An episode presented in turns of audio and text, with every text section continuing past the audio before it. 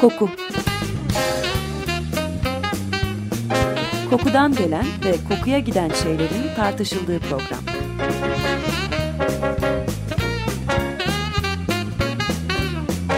Hazırlayan ve sunan Vedat Ozan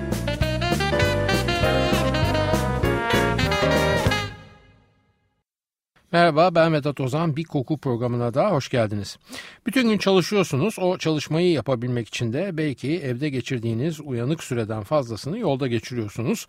Sonra bu alın terinizin karşılığı olan paranın ücret, maaş veya karınızın bir bölümünü çekinmeden ve hatta mutluluk duyarak sizin için hayati önemi olmayan yani biyolojik olarak varlığınızı sürdürmenizle ilgisi olmayan bir ürüne verebiliyorsunuz. Neden? Çünkü buna ihtiyacınız olduğunu düşünüyorsunuz. Hatta bazen yaşamsal işlevi olmayan ürünün iki benzerinden bir tanesine daha fazla para ödemeye razı oluyorsunuz. Çünkü onun üzerinde bir marka var ve o marka bize bilinçli olarak tanımlayamayacağımız bir kısım mesajlar gönderiyor ve biz belki daha ucuzu mevcut olan ürüne sırf belli bir markayı taşıyor diye iç huzuruyla paracıkları sayıveriyoruz. Aslında çoğu zaman parayı verirken bu işin sadece bir rüyanın peşine düşmek olduğunu belli belirsiz fark ediyoruz ama gene de kendimizi engelleyemiyoruz. Peki bunun günahı sadece ve sadece bize yönelik mesajları veren pazarlama dünyasına mı ait? Sanmıyorum çünkü temel olarak pazarlama sizin bir ihtiyacınızın karşılanması temeli üzerine kurulur. Siz ihtiyacınızı karşılamak için önünüze sunulan seçeneklerden birine karar verirken işte o pazarlamanın büyülü dünyası devreye giriverir ve eğer başarılı kullanmışsa siz A değil B ürününün sizin ihtiyacınızı daha makul karşılayacağına karar verip o yönde bir satın alma tercihi yaparsınız. Bu dediğim ihtiyacınız olan ürünler için geçerli bir durum. Oysa oldukça geniş bir tüketim kategorisi daha var ki ihtiyaç duymak kavramının oldukça uzağında yer alıyor. Bu kategoride moda kategorisi. Moda çok basit bir tanımla aslında olmayan bir ihtiyacın var gibi algılanması demek. Bu anlamda klasik pazarlama ihtiyaca cevap seçenekleri arasında boğuşurken moda bundan ayrılıp önce olmayan bir ihtiyaç yaratıp bize benimsetiyor. Sonra da o kuvvetle muhtaç olduğumuzu sandığımız moda malını ahanda bak sen de tam bunu arıyordun diye önümüze atıveriyor. Bir başka tanımla ve kısaca moda arzu imal eden bir fabrikadır da diyebiliriz. Bilginiz için bugünkü yayında moda derken aslında moda kavramı davranış biçimlerindeki değişimleri bile kapsayan çok geniş bir akışı içeriyor olmasına rağmen genel kabul görmüş olan hali yani giysi, tekstil ve bunlara yakın ilişkin olgular anlamında kullanacağım kelimeyi. Moda dünyasının üzerine oturduğu temel prensip dış görünüzü değiştirdiğinizde duygu durumunuzun da ona paralel bir değişim geçireceği yönünde. Yani dışsal değişimle içsel değişimi birbirine koşut algılıyor olmanız lazım ki siz de moda dünyasının bir parçası olabilin. Bu elbette beraberinde bir de değişim arzusunun varlığını gerektiriyor. Yani mevcut durumdan hoşnut olmama hali söz konusu olabilsin ki yeni bir durum daha mutlu olunabilecek bir duygu durumuna kapı açabilsin. Ama sorun değil Allah'a şükür bu küçük rahatsızlıkların önüne geçebiliyoruz ve bunun yolu da bize ihtiyacımız olan güveni sağlayacak moda mallarından başkası değil. Zaten moda markaları da kendi hedef tüketicilerine yönelik olarak gruplanmış durumdalar ve her bir marka kendi tüketici grubuna özel mesajları hem marka kimliği hem de sattığı ürünler aracılığıyla iletiyor. Yani bir anlamda markalar bizim imal edilmiş arzularımıza yönelik hazır çözümler sunarak hayatı pratikleştiriyorlar. Ancak bunun da elbette bir bedeli oluyor ve markalı ürünler sağladıkları bu rahatlama karşılığında sizden satın aldığınız ürünün esas bedelinden belki veya çoğunlukla misliyle fazla bir parayı marka bedeli olarak tahsil ediyorlar. İyi de modayı kenara alıp daha geniş bir çerçevede bakarsak marka ne demek acaba? Öncelikle kelimenin anlamıyla başlayayım müsaadeniz olursa. Bu kelimeye biz marka diyoruz ama bütün dünyada bu anlamı ifade etmek için brand veya branding anlamına gelen İngilizcesi kullanılıyor. Brand kelimesinin kökeni ise eski Norveç dilindeki brander'dan geliyor ve yakmak demek. Tahmin edebileceğiniz gibi üretilen ürüne yakarak veya dövme yaparak bir kimlik belirtici takmak yani. Bizler doğal olarak markalaşmayı 20. yüzyıla ait ve modern bir olgu olarak algılıyoruz.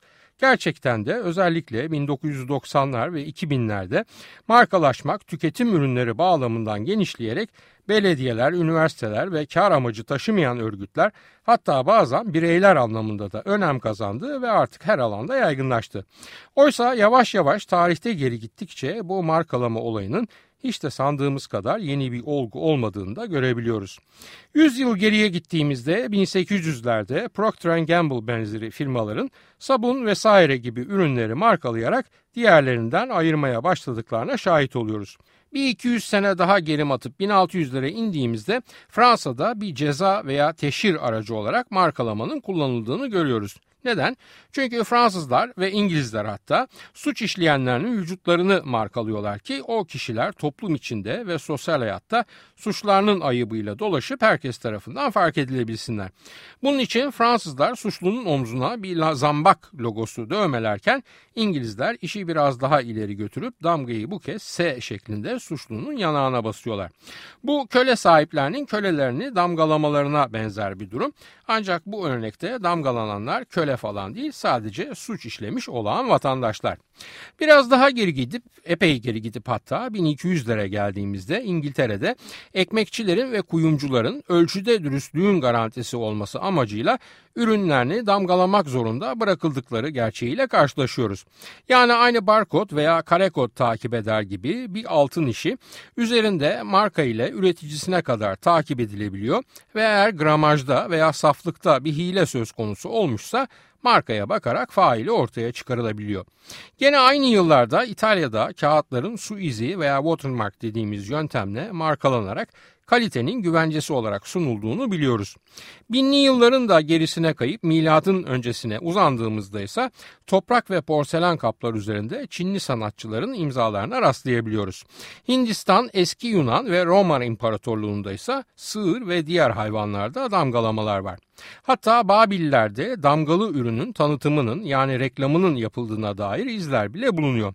Sonuçta markalamanın, damgalamanın görsel bir belirteçle ürünün veya malın diğerlerinden ayrıştırılmasının tarihi 5000 sene öncesine kadar gidebiliyor. Peki bütün bunların sebebi ne? Bütün bunların sebebi yani bir ürünün diğerinden bariz bir şekilde ayırt edilebilmesini sağlamanın sebebi kalite garantisi, dürüstlük, imalatçısı veya sahibinin kimliğini belirtmek, üreticiye belli bir sorumluluk yükleyebilmek ve en önemlisi ürünle kullanıcısı arasında duygusal ve sürekli bir bağ kurabilmek çabası. İlginç bir şekilde 5000 yıl sonrasında bugün bile aynı motiflerin belki biraz naif bir düşünce olmasına rağmen hala geçerli olduğunu söyleyebiliriz. Markalamayla tescilli isimlerin tarihinin pek de uzak kulvarlarda seyretmediğini düşünerek devam edelim. Kitle tüketimine yönelik markalamanın en geniş örneklerini Roma İmparatorluğu'nda görebiliyoruz. Pompei'deki arkeolojik kazılarda Vesuvinum markası kazınmış şarap kapları bulunuyor mesela. Vesuvius Dağı'nın ismiyle Latince şarap anlamına gelen vinum'un birlikteliğinden oluşan bu bileşik kelime bize oldukça bilinçli bir pazarlama hamlesinin ilk örnekleri olarak yansıyor. Tabi zaman akıp geçtikçe ve özellikle sanayi devrimi sonrasında ürünler artık yerel atölyelerde üretilmekten çıkıp fabrikaların imalat bantlarından akmaya başladıkça başta sabun olmak üzere pek çok ürün üreticisi tarafından markalanıyor. Markalanıyor ki tüketicinin güven duyduğu bilindik yerel imalat halinlerin karşısına onları alt edebilecek bir kimlikle çıkılabilsin. Aksini düşünün bir an için bir yanda bildiğiniz komşunun ürettiği sabun var. Diğer tarafta ise üzerinde hiçbir isim, marka, logo olmayan jenerik bir ürün. Hiç tanınmamışa neden güvenip para veresiniz? O yüzden fabrikasyon ürünler kimliksizlikten kurtarılıp markalanıyor bir anlamda kalite garantisi anlamına gelen o marka ile beraber aynı zamanda tüketicinin yeniden yapacağı satın almaya yönelik bir de sadakat oluşturuluyor.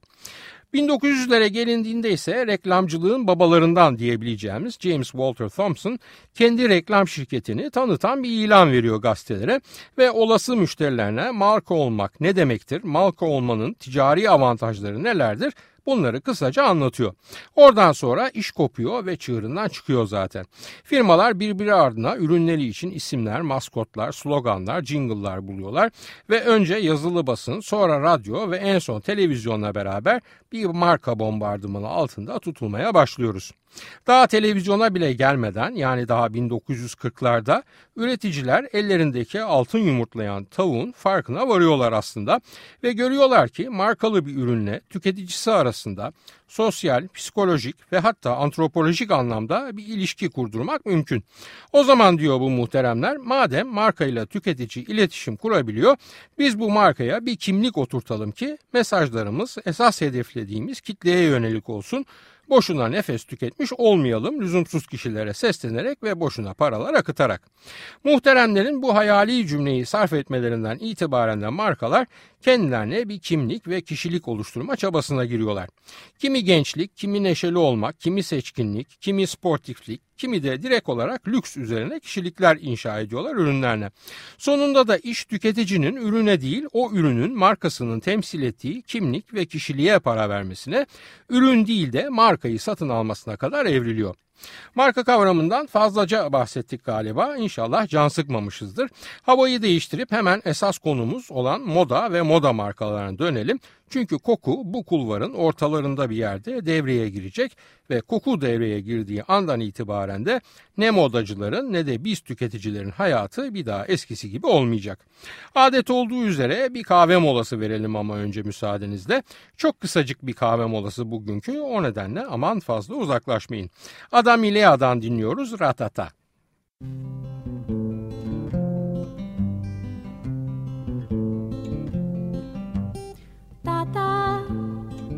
tata, facultatea e gata Unde să mai meargă fata Ratata și stricata Tata, facultatea e gata Tata, facultatea e gata Tata, ajutor Am să mor sau să plec pe ogor Radyosunu yeni açanlar için hatırlatıyorum. Açık Radyo 94.9 Koku programındayız. Ben Vedat Ozan. Adam İleya'dan dinledik. Ratata. Moda ve marka deyince akla Paris gelirdi eskiden. Şimdi tabii eksen kaydı biraz ve Londra, Milano hatta ne üstüne vazifeyse New York bile devreye girdi. Doğrudur marka modası Paris'te başlamıştır ama başlatan sanılanın aksine bir Fransız değil. Charles Frederick Worth isimli bir İngiliz tasarımcı akımını ve marka olmayı ilk başlatan adam olarak tarihe geçiyor çünkü. Ama gene de Worth'ün hitap ettiği pazarın Fransız pazarı olduğunu düşünürsek gene de Fransa ve Paris'i bu konunun pek dışında tutamayız. Nedir peki Worth'in yaptığı? Şu, Worth'ten önce terzilerin kendi fikir, tasarım ve modellerini müşteriye empoze etmek gibi bir şans ve alışkanlıkları yok. Dergilerde görülen çizimler veya sosyalit bir aristokratın üstündeki elbisenin benzeri müşterinin seçtiği kumaşla ve onun seçtiği renkte özenilen modele benzer olarak üretiliyor. Worth ile birlikte bu değişiyor ve bir terzinin müşterisine model önermesi, hatta kendi modelini giymesi için dayatması ve kendi tarzını oluşturması ortaya çıkıyor. Bu aynı zamanda o terzinin yani bu örnekte Worth'ün tasarımlarının ayrıştırılabilmesi demek ve marka olmanın da en önemli adımı.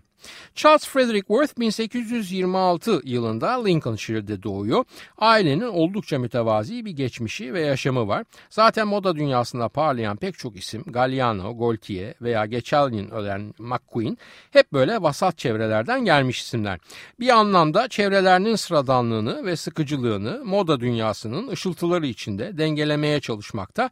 Hepsinin duygu durum yolculuklarının birer parçası ve bu konudaki örneklerde sadece bu saydığım isimlerle kalmaz emin olun bundan.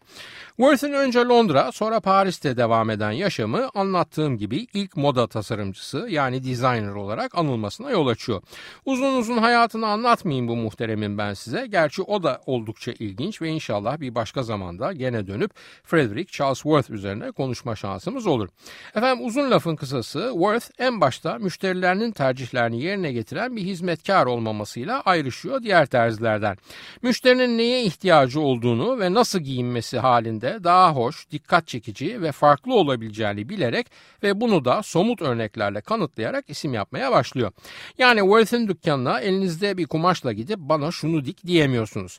Bilakis o sizi üzerine uzandığı kanepede eksantrik kıyafeti içinde ve elinde prosuyla karşılayıp önce bir süzüyor sonra ben sana şunu kullanarak şöyle bir elbise yaparım işine gelmiyorsa başka kapıya diyebiliyor. E o dönem başka da pek kapı olmadığından ve muhterem de hakikaten işinin ehli olduğundan müşteri portföyü kabardıkça kabarıyor.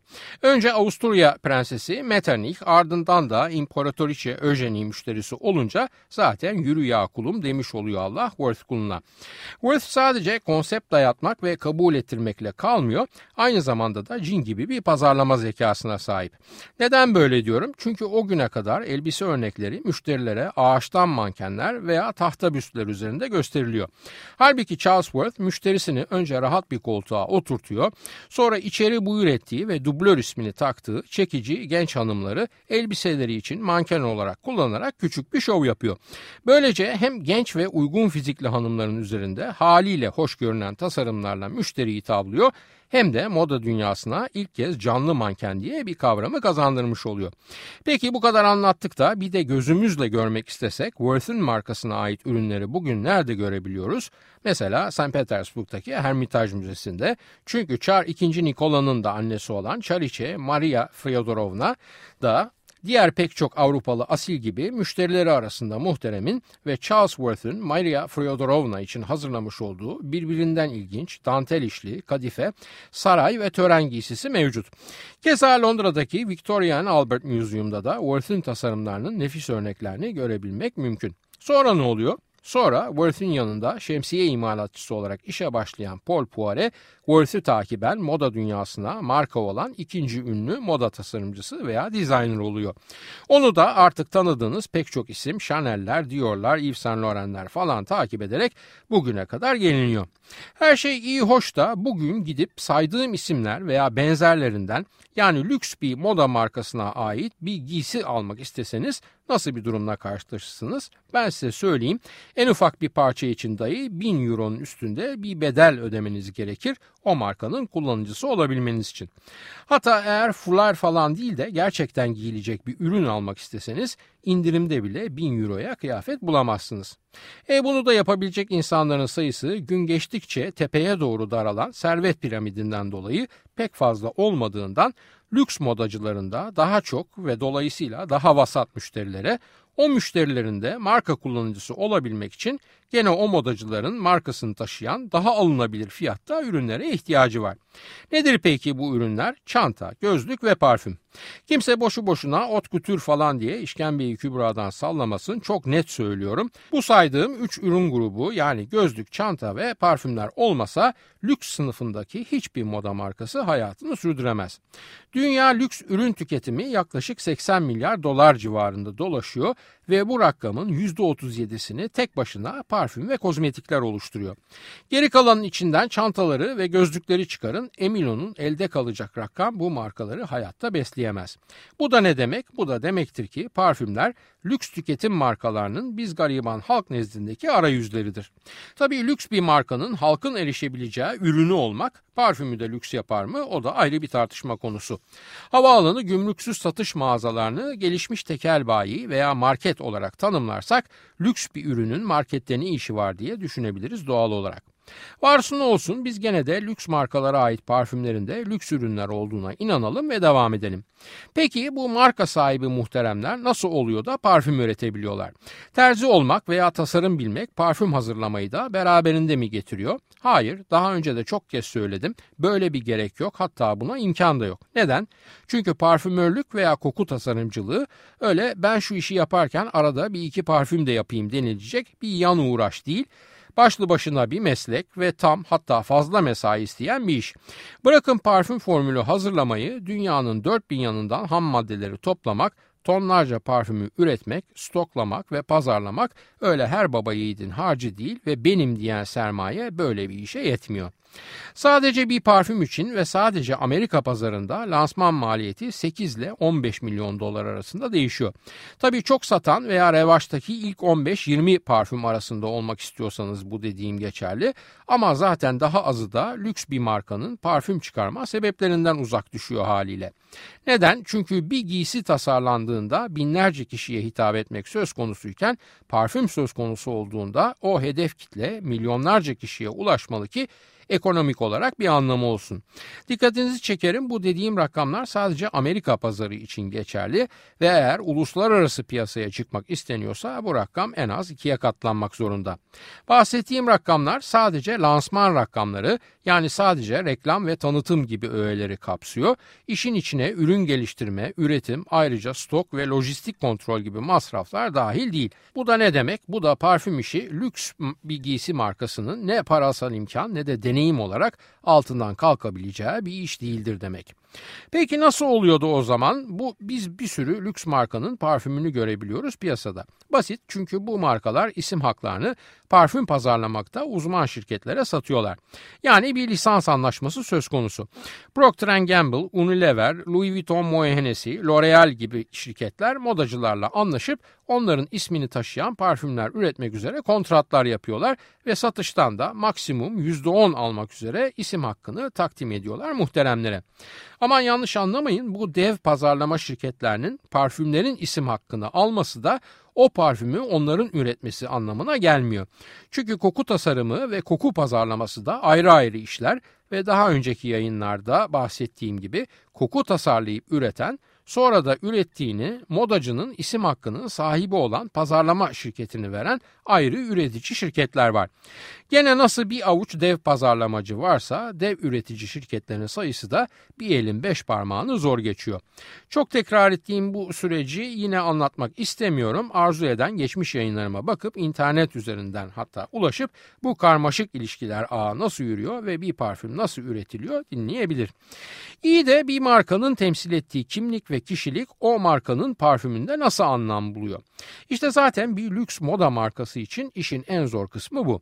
Issey Miyake'nin mesela moda tarzıyla parfümleri arasında bir felsefi ilişkiden söz edebiliriz ama bunu her marka için yapabilir miyiz? Mümkün değil ve çok fazla sayıda tutarsız yani marka olmak açısından başarısız örnek var piyasada özellikle de İtalyan modacıların parfümlerinde. Nasıl bir iş peki bu? Yani lüks moda markasının ismini verdiği parfümle ilişkisi nasıl? Üretici, pazarlamacı, marka üçgeninin esas patronu kimdir yani? Bu üçgenin tartışmasız patronu sevgili dinleyiciler pazarlama şirketi. Üretici şirket pazarlama şirketinin vermiş olduğu sipariş formuna yani brief'e uygun olarak parfüm tasarlamanın ötesinde bir sorumluluk taşımıyor. Bu da haliyle esas can alıcı ilişkinin pazarlama şirketiyle moda markasının sahibi arasındaki ilişki olduğu gerçeğine getiriyor bizi. Bu ikisi arasındaki ilişki nasıl bir ilişki peki? Michael Daminio yaklaşık 15 yıl boyunca yakından tanıdığımız bir parfüm pazarlama devinin pazarlama danışmanlığını yapıyor ve bakın bu ilişkiyi nasıl tanımlıyor. Yıllardır bu işin içindeyim ve marka sahibinin sadece lisans hakkından gelecek para endişesinde olduğuna hiç şahit olmadım. Onun esas derdi sonuçta elbette para kazanmak ama hepsi markalarının gelişmesi ve yaygınlaşması için isimlerini taşıyan parfümlerin başarısının ne kadar önemli olduğunun bilincinde. Bu nedenle sürecin her aşamasından haberdar olmak istiyorlar ve aramızdaki ilişki bu anlamda bir evlilik ilişkisini çok fazla andırıyor. Yine piyasadan bir isim L'Oreal'de uzun yıllar çalışmış Rocha, Cacharel ve Armani projelerinde bulunmuş uluslararası pazarlama direktörü Valerie Sanchez şunları söylüyor. Bizim işimiz markanın ruhunu parfüme tercüme etmek. Bu nedenle ismini veren tasarımcıyla el ele çalışmak zorundayız. Armani projeleri için her ay en az bir kez bazen de birden fazla kere Armani ile buluşmak üzere Milano'ya uçtum. Marka sahibi parfümün bizim ustalık alanımız olduğunu kabul eder ama gene de kontrolü kaybetmek istemez ve sürekli talepkar olur. Bu tip ürünlerde iş daha koku bile ortada yokken isimle başlıyor aslında. Tahmin edebileceğiniz gibi bir parfüme verilebilecek ve aklınıza ilk ağızda gelen bütün isimler İngilizce, Fransızca ve İtalyanca dillerinin hepsinde olmak üzere birileri tarafından tescillenmiş durumda. Bu büyük pazarlama firmaları için bir avantaj çünkü dev bütçeleri onlara daha önce tescillenmiş bu isimlerin tescil haklarını satın alma imkanını veriyor. Bu isim tescili hakkını devralmanın ötesinde bir de kolay ve daha ucuz yol var. O da bilinen ve satış şansı olan bir kelimeyi tasarımcının ismiyle tamlama haline getirerek kullanmak. Mesela İngilizce çiçek anlamına gelen flower kelimesini kullanamıyorsanız flower by Kenzo diyerek kenardan sıyırabiliyorsunuz. Pazarlama şirketleri prensip olarak isim önerilerini markanın ruhunu taşıması açısından moda tasarımcısından talep ediyor. Tasarımcı liste halinde isim önerilerini verdikten sonra pazarlama şirketiyle modacı kafa kafaya verip hangisinin marka ve pazar koşulları açısından en uygun isim olacağını beraber kararlaştırıyorlar. Bunun ilginç istisnaları olmuyor mu? Oluyor elbette. Armani'den açtık oradan devam edelim. Mesela Black Code isimli Armani parfümü. Bu isim Armani tarafından Denzel Washington'a Oscar töreninde giymesi için verilmiş bir smoking kıyafetin gece mavisi renginden esinlenerek ortaya çıkıyor. Bu arada bilginiz için Hollywood yıldızlarının Oscar törenlerine kimin tasarımı bir elbiseyle katılacağı tamamen ve çok kanlı birer pazarlama savaşı sonunda belirleniyor. Yani tahmin edebileceğiniz gibi hiçbir yıldız o elbiseyi bedava giyip de kırmızı halı üzerinde ekranlara ve milyonlarca tüketicinin gözlerinin önüne taşımıyor. Tasarımcılar bir gecelik smokin veya tuvalet giyinme bedeli olarak ciddi paralar bayılıyorlar bu sinema sanatçılarına. Sadece Oscar değil filmlerin içine ürün yerleştirmesi de ayrı ve ciddi bir iş moda markaları için. Bu işin de en saldırgan takipçilerinden biri Giorgio Armani. 80'lerde Armani markasının Amerikan tüketicilerince tanınması Richard Gere'in American Gigolo isimli filmde giydiği kıyafetlere sponsorluk etmesi sayesinde oluyor. Filmi hatırlayanlar bazı sahnelerde Richard Gere'in gömleklerinde Armani markasının net olarak göründüğünü de hatırlayacak olacaklardır. İşte aynı Armani, Jodie Foster, Kate Blanchett, Michelle Pfeiffer, Reese Witherspoon, Denzel Washington gibi isimlerin de giysi sponsoru Oscar'larda ve bu törenlerin birinde az önce dediğim gibi Denzel Washington'ın Gece Mavisi smokini yeni çıkacak koku için ilham kaynağı olarak seçiliyor. Google falan da kullanılarak tören anlamına gelen ceremony, smokin veya ciddi kıyafet anlamına gelen black tie, bağlayıcı kıyafet tarzı veya davet edilen yerde giyilmesi istenen istenen giysi tarzı anlamına gelen dress code kelimeleri üzerinde duruluyor. Bu kelimelerin bazıları her lisanda aynı etkiyi yaratmadıklarından bir ara işler tıkanıyor ama sonra ellerindeki desteği bir karıştırıveriyorlar ve black tie'in Blay ile dress code'un kodunu yan yana getirerek daha önce duyulmamış bir ismi black code ismini oluşturuveriyorlar.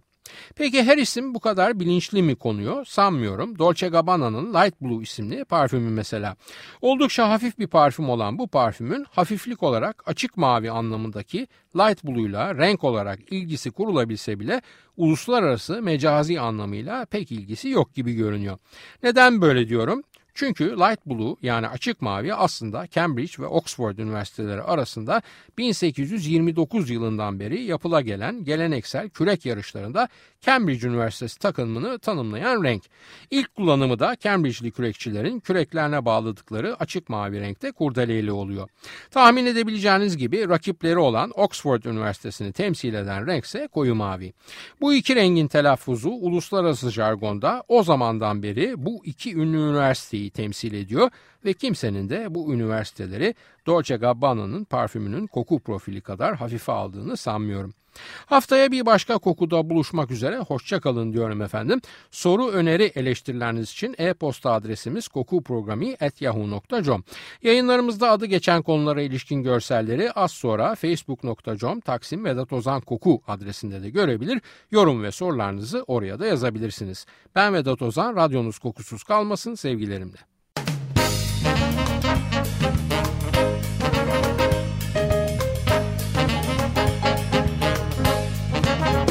Koku Kokudan gelen ve kokuya giden şeylerin tartışıldığı program.